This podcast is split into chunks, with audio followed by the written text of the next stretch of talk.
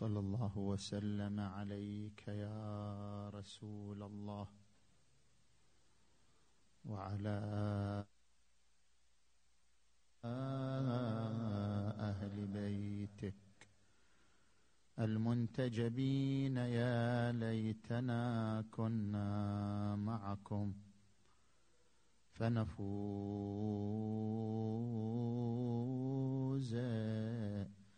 فوزا عظيما أعوذ بالله من الشيطان الغوي الرجيم. بسم الله الرحمن الرحيم.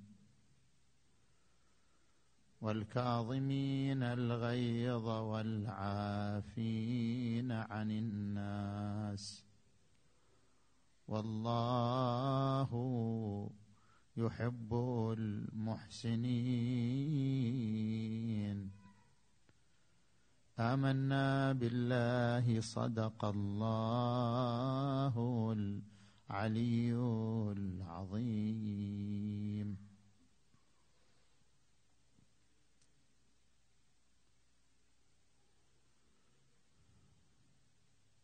حديثنا انطلاقا من الآية المباركة في جمال القيم الأخلاقية.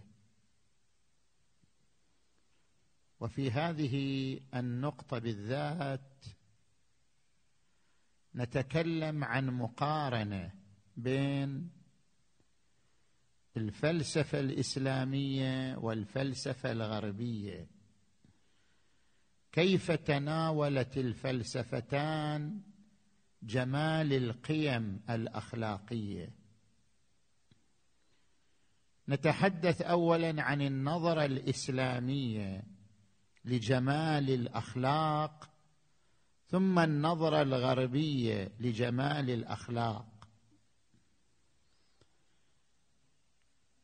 النظرة الإسلامية الفلسفة الإسلامية ترى أن جمال العمل وجمال الخلق حينما يشتمل على عنصرين الحسن الفاعلي والحسن الفعلي متى يكون العمل جميلا؟ متى يكون الخلق جميلا؟ إذا تضمن لهذين العنصرين الحسن الفعلي والحسن الفاعلي ما هو الفرق بين هذين العنصرين؟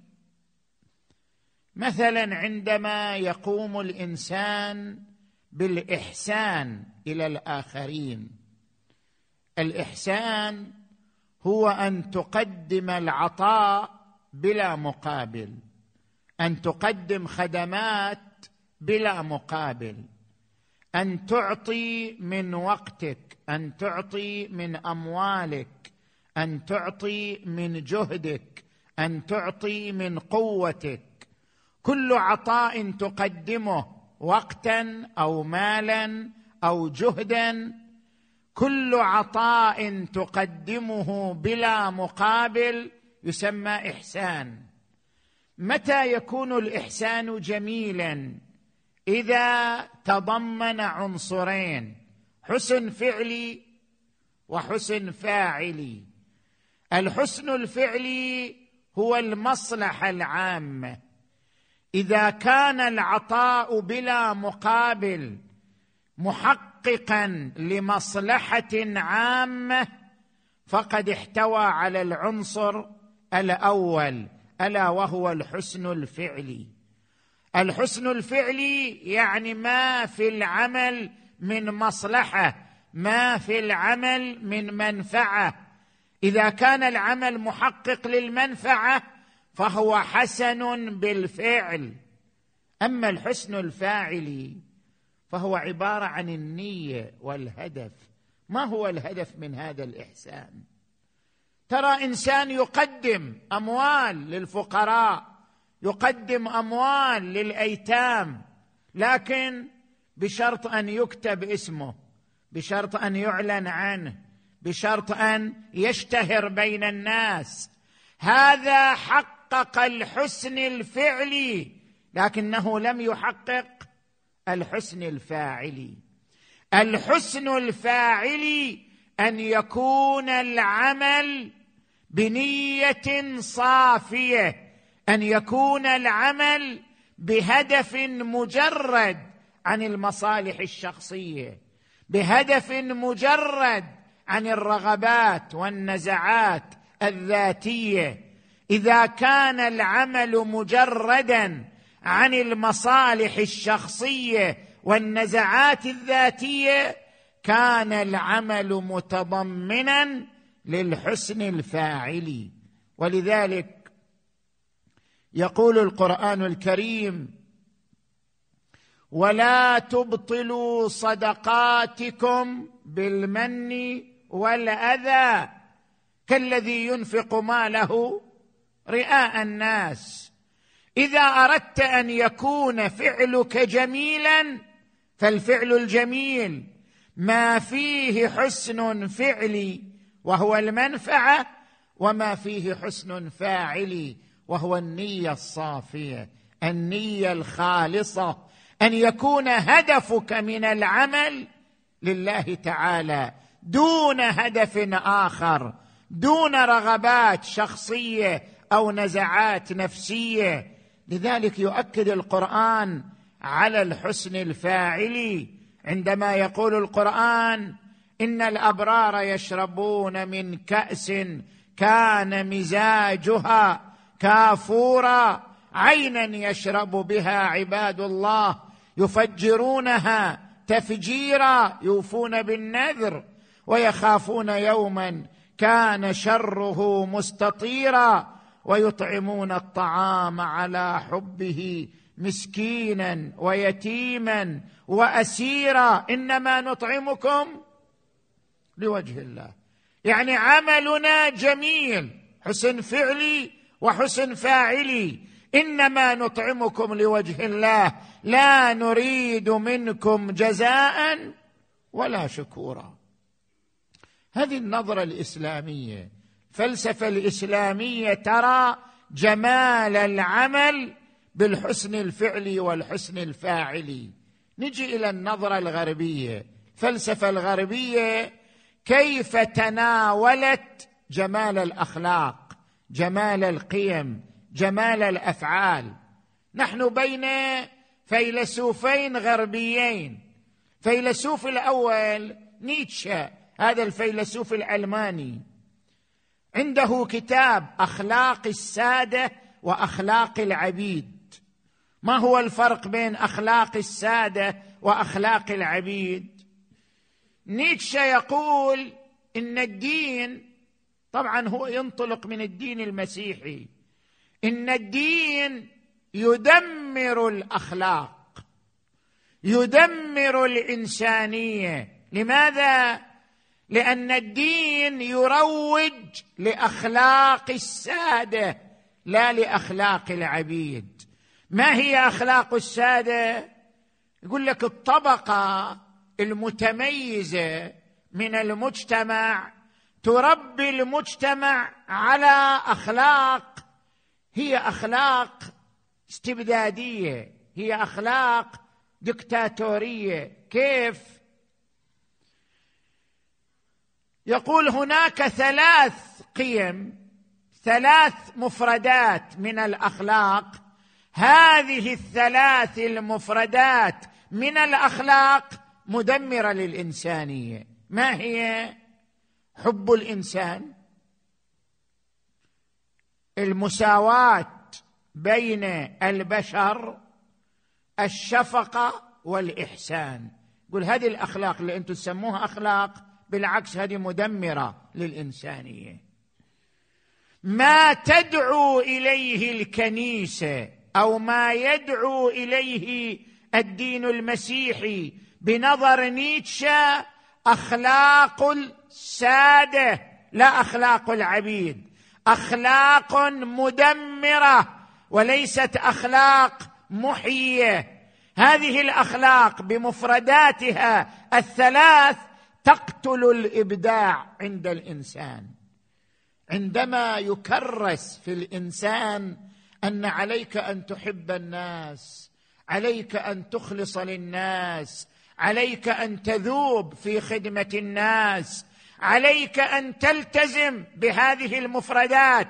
الثلاث حب الناس والإحسان إلى الناس والمساواة بينك وبين الناس.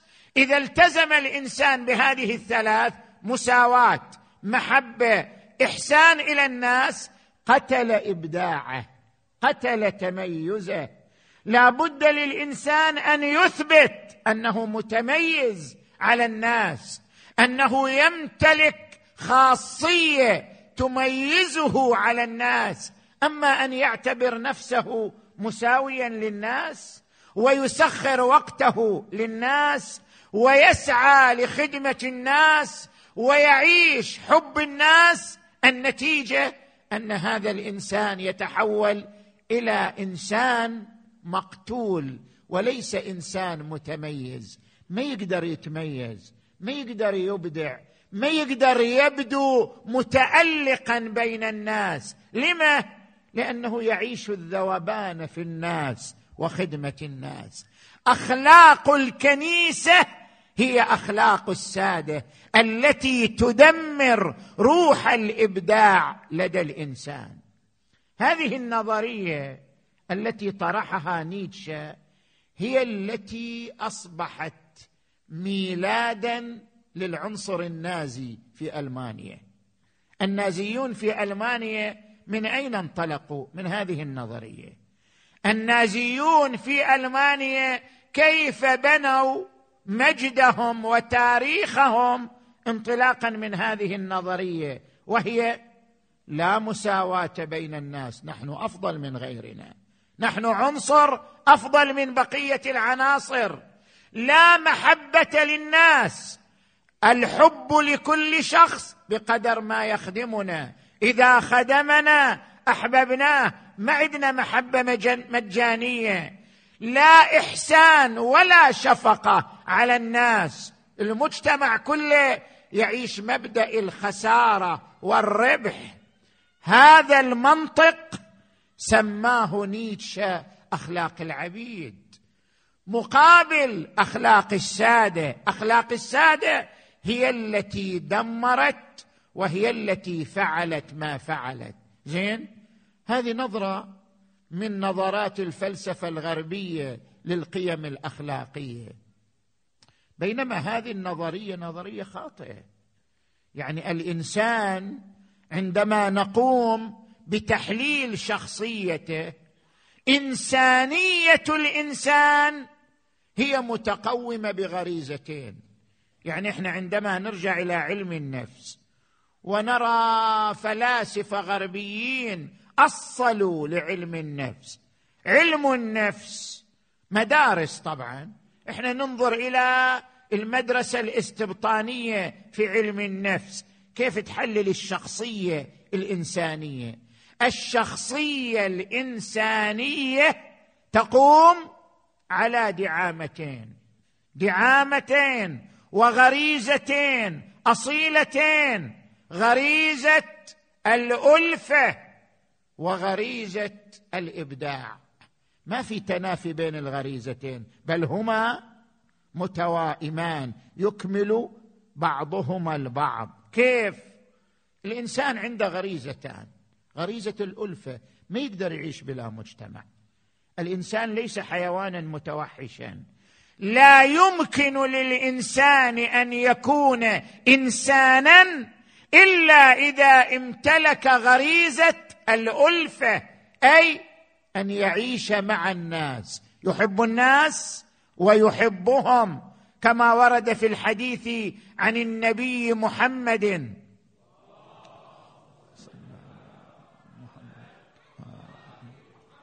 أفاضلكم أحاسنكم اخلاقا الموطؤون اكنافا الذين يألفون ويؤلفون. المؤمن يحب ويحب الالفه أن تعيش الجو الإنساني أن تعيش المحبة الإنسانية. هذه غريزة في الإنسان بدونها لا يكون إنسانا.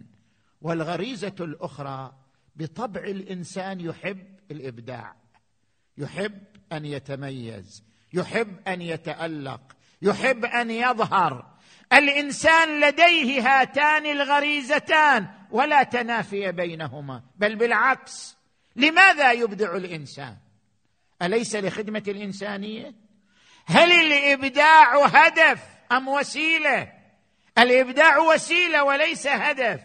لماذا يحرص الإنسان على الإبداع؟ لماذا يحرص الإنسان على أن يكون متميز؟ الطبيب متميز في طبه المهندس متميز في هندسته عالم النفس متميز في فلسفته كل إنسان متميز في مجاله. لماذا؟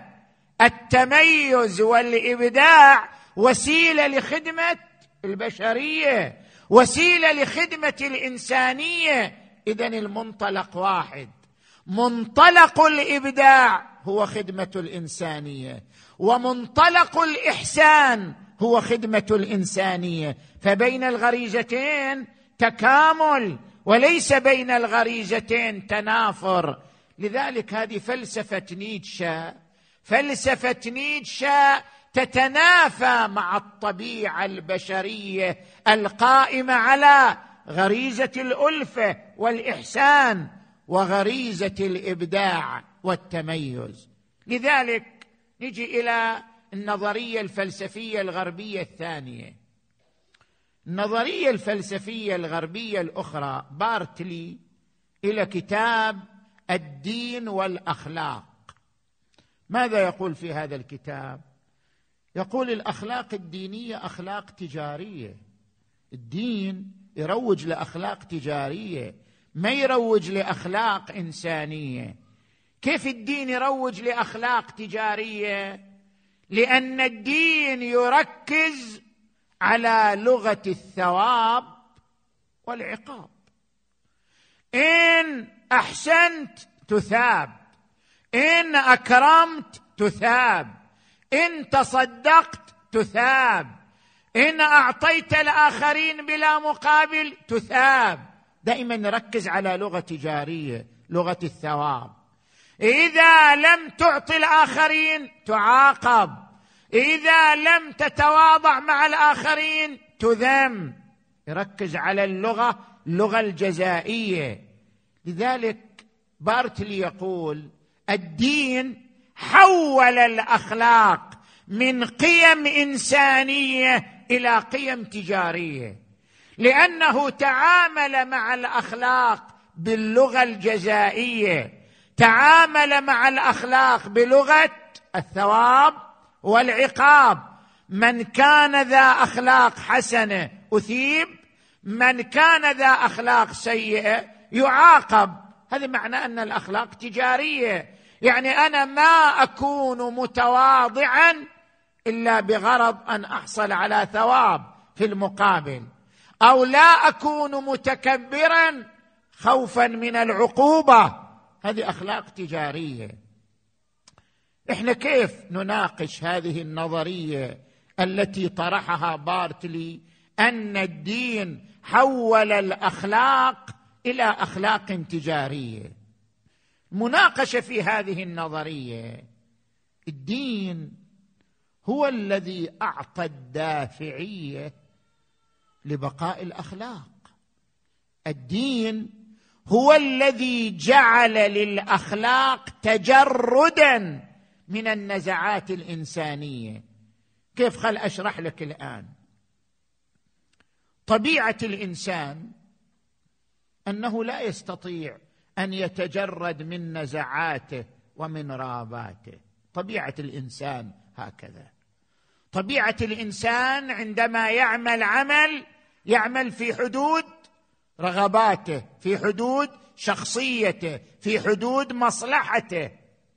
الدين لكي يضمن بقاء الأخلاق ولكي يضمن صدق الأخلاق دعا إلى الأخلاق لله تبارك وتعالى. أن يكون الهدف هو الله.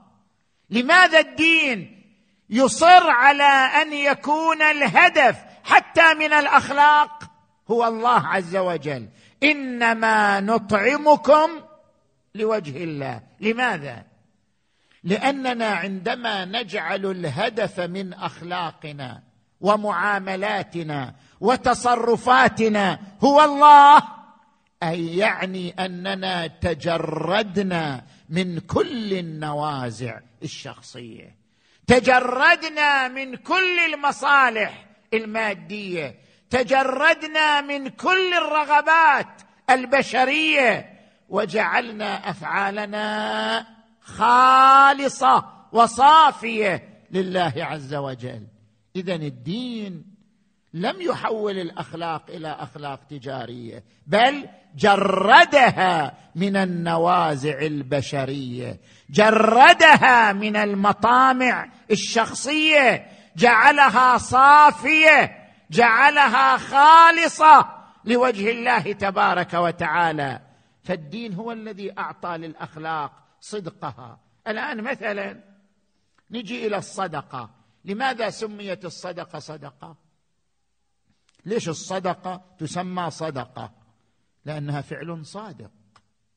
لماذا الصدقه فعل صادق؟ لأن الصدق الظاهري يتطابق مع الصدق الباطني الصدقة أن تعطي المسكين أن تعطي الفقير أن تعطي المحتاج. عندما تعطيه هذا فعل صادق ظاهرا. لكن هل هو فعل صادق باطنا؟ هل يتوافق صدق الظاهر مع صدق الباطن؟ إذا صدرت الصدقة لله عز وجل لا لمطامع شخصية ولا لأهداف بشرية أصبحت صدقة حقيقية أصبحت فعلا صادق صدق ظاهره باطنه. لأجل ذلك ورد في الأحاديث حث على أن تكون الصدقة سر. الصدقة سرا تطفي غضب الرب. الصدقة سرا أحسن منها علانية. لماذا؟ لو كان الإسلام يريد يحول الأخلاق إلى أخلاق تجارية لما أصر على أن تكون الصدقة سرا لا يعرفها أحد ولا يدري بها أحد. لماذا؟ لأن صدقة السر تجردك من كل المطامع الشخصية تجردك من كل الأهداف المادية وتجعلك صادقا مع داخلك صادقا مع نفسك صادقا مع ضميرك. تعمل لله وحده لا لشيء آخر. اذا المنطلق الديني والفلسفة الدينية التي تحرص على جمال الخلق تحرص على تجريد هذا الجمال من كل القذارات المادية من كل الألوان المادية المحدودة. لا أنها تحول الأخلاق إلى أخلاق تجارية. مسألة الثواب على الأخلاق هذه مسألة كسائر الأعمال التي يأتي بها الإنسان يعطى عليها ثواب. لا أن المقياس في قيمة الخلق هو الثواب لا. المقياس في قيمة الخلق أن ينطلق من نية صادقة. هذا هو المقياس في قيمة الخلق بحسب الفلسفة الإسلامية. بعكس هذين الفيلسوفين يعني عكس نيتشه اللي يقول أخلاق السادة وأخلاق العبيد عكس بارتلي الذي يقول الأخلاق الدينية أخلاق تجارية بعكسهما معا. كانت كانت هذا الفيلسوف الألماني عند كتاب نقد العقل المحض. إذا تقرأ هذا الكتاب كانت يرى أن أقوى دليل على وجود الله هو الدليل الأخلاقي. يقول إحنا ما نحتاج إلى قانون السببيه قانون النظم. شوف الفلاسفة بماذا يستدلون على وجود الله؟ يستدلون على وجود الله بقانون السببيه لكل مسبب سبب. بماذا يستدلون على وجود الله؟ بقانون النظم. يقولون هذا الكون نظام دقيق فهو يدل على منظم دقيق.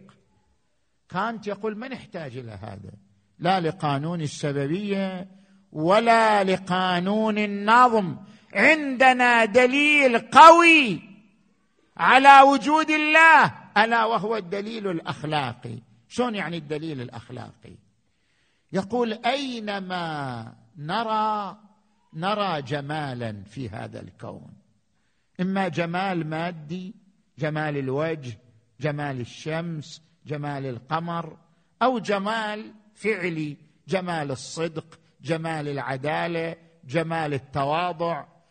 كل الجمال في هذا الكون سواء كان جمالا ماديا كجمال الوجه أو كان جمالا خلقيا كجمال الصدق. كل الجمال جمال محدود جمال جزئي. هذا الجمال المحدود يدل على جمال لا محدود. هو الذي أبدع الجمال المحدود. كل الجمال الذي نراه سواء كان جمالا ماديا أو جمالا خلقيا يدلنا على أن هناك جمالا لا محدود وخيرا لا محدود. هو الذي أبدع هذا الجمال كله. وذلك الجمال اللا محدود جمال الله تبارك وتعالى. الجمال دلنا على الجميل ألا وهو الله تبارك وتعالى. هذا المنطق الذي يؤكده كانت في كتابه نقد العقل المجرد هو بنفسه يكشف لنا أن القيم الاخلاقيه منبع جمالها هو الله عز وجل. ولذلك تزداد جمالا عندما تربط بالله عز وجل عندما يكون العمل خالصا لله وصادقا لله تبارك وتعالى. ليس البر أن تولوا وجوهكم قبل المشرق والمغرب. ولكن البر من آمن بالله واليوم الآخر. و والملائكة والكتاب والنبيين وآتى المال على حبه. ذوي القربى واليتامى والمساكين وابن السبيل. البر يعني القيمة الخلقية هي أن تؤمن بالله وأن تجعل العمل خالصا لوجه الله تبارك وتعالى.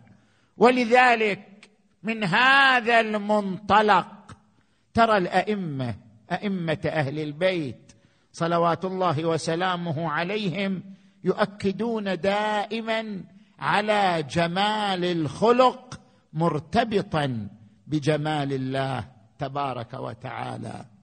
الإمام الحسن الزكي صلوات الله وسلامه عليه الإمام الحسن المجتبى.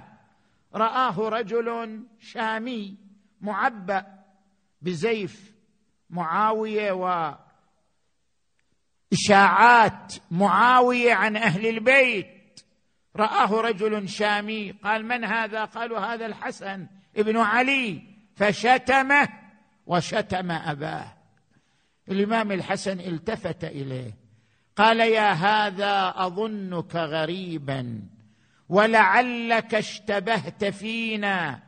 فإن كنت طريدا آويناك وإن كنت جائعا أشبعناك وإن كنت عطشا أرويناك وإن كنت فقيرا أغنيناك. فهلا حولت رحلك إلينا ونزلت ضيفا علينا. فإن لنا منزلا رحبا وجاها عريضا فما تمالك الرجل حتى انكب على يديه يقبلهما. هذه الأخلاق أخلاق محمد.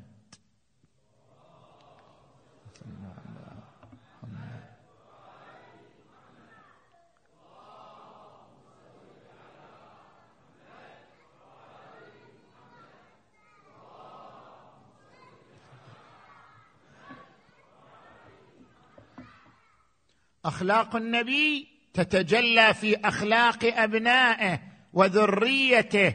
أخلاق النبي التي قال عنها القرآن الكريم وإنك لعلى خلق عظيم. فبما رحمة من الله لنت لهم ولو كنت فظا. غليظ القلب لانفضوا من حولك. والإمام زين العابدين. الإمام علي بن الحسين عليه السلام يقول أحد أصحابه ابن شهاب الزهري يقول رأيت الإمام زين العابدين في ليلة مطيرة ليلة تمطر فرأيته يحمل عبئا على ظهره ثقل حاملنا على ظهره وليلة مطيرة وقاعد يمشي في المطر. تعجبت. قلت يا ابن الحسين إلى إين؟ قال إلى سفر أعددت له زادا. قلت سفر في الليل وفي المطر قاعد يروح يسافر إلى إين يذهب هذا؟ يقول في اليوم الثاني رأيته في المسجد مسجد رسول الله صلى الله عليه وآله يتعبد.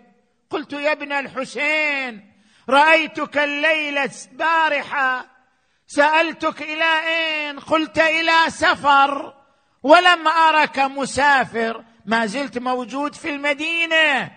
قال يا ابن شهاب ليس السفر ما ظننت. لا تفكر هذا سفر مادي. أنا بنتقل من بلد إلى آخر. لا ليس السفر ما ظننت. إنه سفر الآخرة. وزاده بذل الندى في الخير والورع عن محارم الله. حاول أن تخطط لسفر الآخرة. حاول أن تخطط للمرحلة الأخيرة. لا تلهينا الدنيا لا تلهينا الأموال لا تلهينا زخارف الدنيا.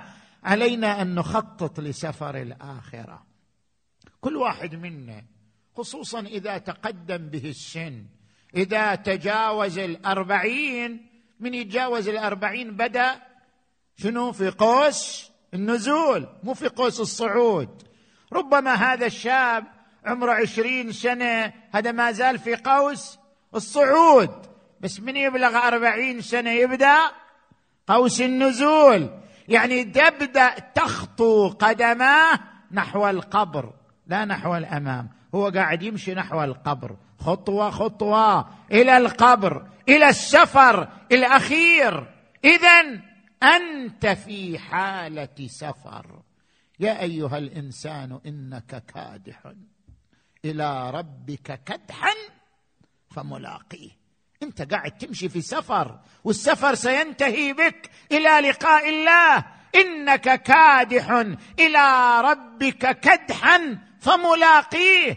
انت في سفر. خطط لسفرك هذا. كما يقول القرآن يا ليتني قدمت لحياتي. حياتك هي سفرك الذي ينتظرك. هذا السفر يعتمد على عنصرين على راحلتين. ما هما؟ يقول الإمام زين العابدين. الورع عن محارم الله. اترك المحرمات اترك المعاصي. كافي خلاص. انت الآن في سفر انت الآن تخطو نحو القبر. الورع عن محارم الله. وبذل الندى في الخير. تعطي من مالك تعطي من وقتك تعطي من جهدك كله لله. هاتان الدعامتان تؤهلانك لهذا السفر الخطير. والمسيرة الخطيرة ليس السفر ما ظننت إنه سفر الآخرة. وزاده بذل الندى في الخير والورع عن محارم الله.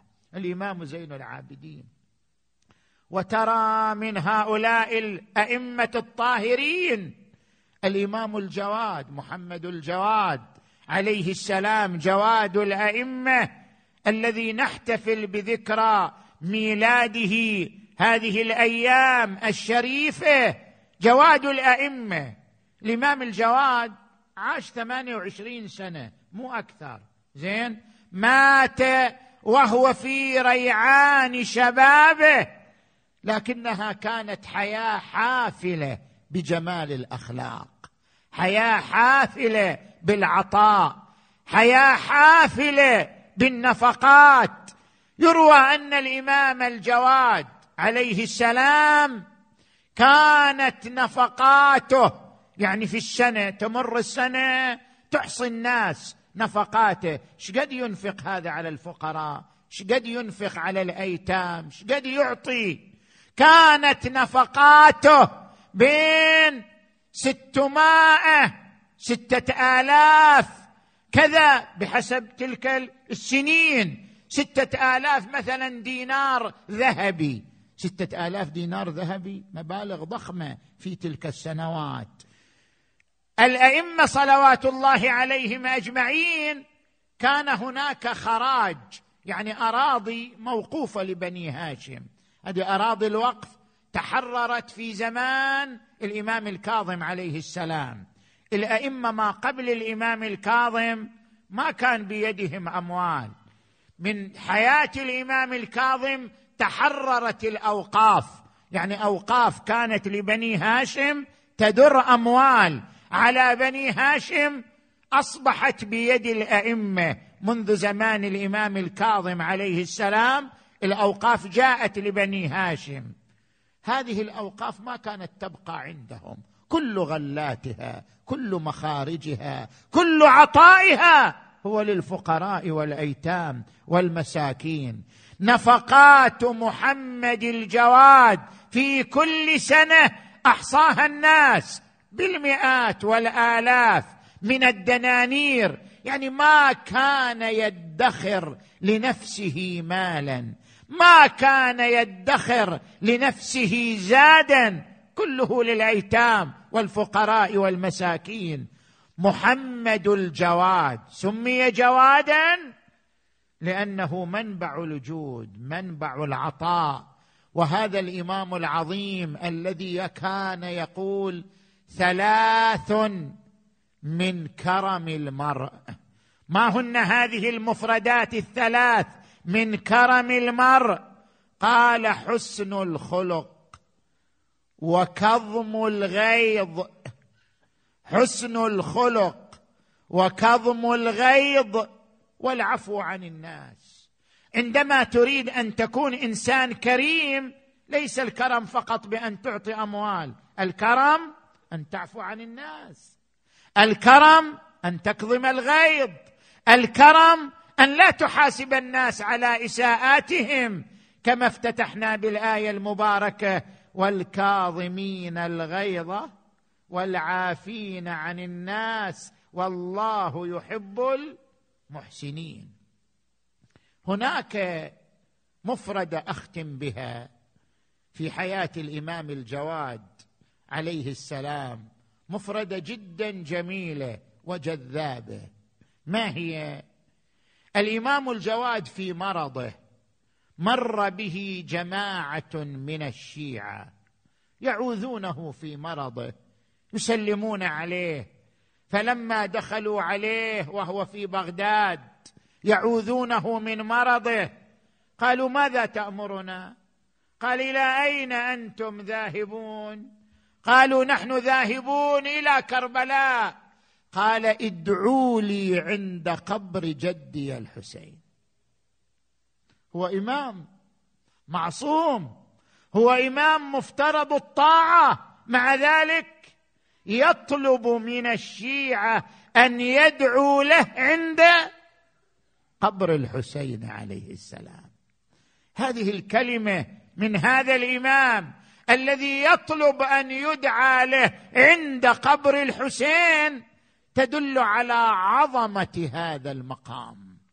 تدل على عظمة هذه التربة على عظمة هذا المشهد كما ورد عن النبي صلى الله عليه وآله.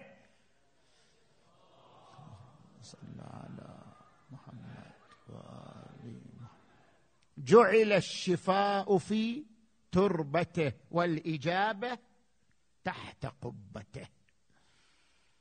الإمام الحسين عليه السلام أعطي هذا المقام العظيم نتيجة لجهاده وتضحيته وفدائه في سبيل الله أن كان قبره موطن الدعاء ومهد الإجابة. جعلت الإجابة تحت قبته كما جعل الشفاء في تربته.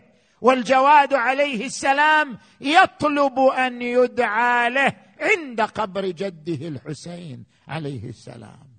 ولذلك ترى أن الكثير من الأئمة يتمنى ويرغب أن يقف عند قبر الحسين زائرا.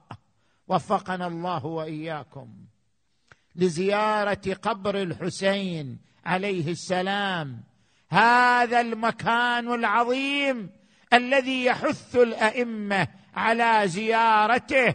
إذا شئت النجاة فزر. حسينا غدا تلقى الإله. قرير عيني. فإن النار ليس تمس جسما عليه غبار زوار.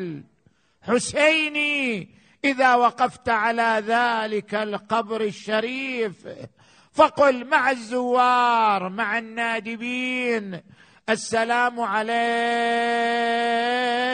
يا أبا عبد الله. السلام على من غسله دماء والتراب كافورا ونسج الريح أكفانه والقنا الخطي نعشا يا يا وفي قلوب من والاه قبره. أول من زار الحسين علي بن الحسين زين العابدين هو الذي وارى أباه هو الذي أنزل جثة أبيه إلى الثرى وعندما أهال التراب على جسد أبيه وقف على شفير القبر يزور أباه الحسين. كيف زاره هذه أول زيارة للحسين. في ذلك الوقت أول زيارة الزيارة أول كلمات يزار بها قبر الحسين. نادى أبا حسين أما الدنيا فبعدك مظلمة وأما الآخرة فبنورك مشرقة. أبا حسين أما حزني فسرمد وأما ليلي فمسهيد. ويلي ما حد حضر عنده وحفر قبره وما حد جاب كافوره والسدرة خيل الأعوجية وطت صدره. ما غسلوه ولا لفوه. في كفنين يوم الطفوف ولا مدوا. عليه رداء عار تجول. عليه الخيل عادية. يا الله. اللهم بالحسين الوجيه وجده وأبيه وأمه وأخيه والتسعة من بنيه. اللهم اغفر ذنوبنا واستر عيوبنا وكفر عنا سيئاتنا وتوفنا مع الأبرار. اللهم اشف مرضانا ومرضى المؤمنين والمؤمنات واقض حوائجنا وحوائج المؤمنين والمؤمنات. وفقنا لمراضيك. جنبنا معاصيك. اللهم عجل فرج وليك وابن أوليائك. واكتب له النصر والظفر واجعلنا من أنصاره والمرضيين عنده وإلى أرواح أمواتكم وأموات المؤمنين والمؤمنات الفاتحة تسبقها الصلوات.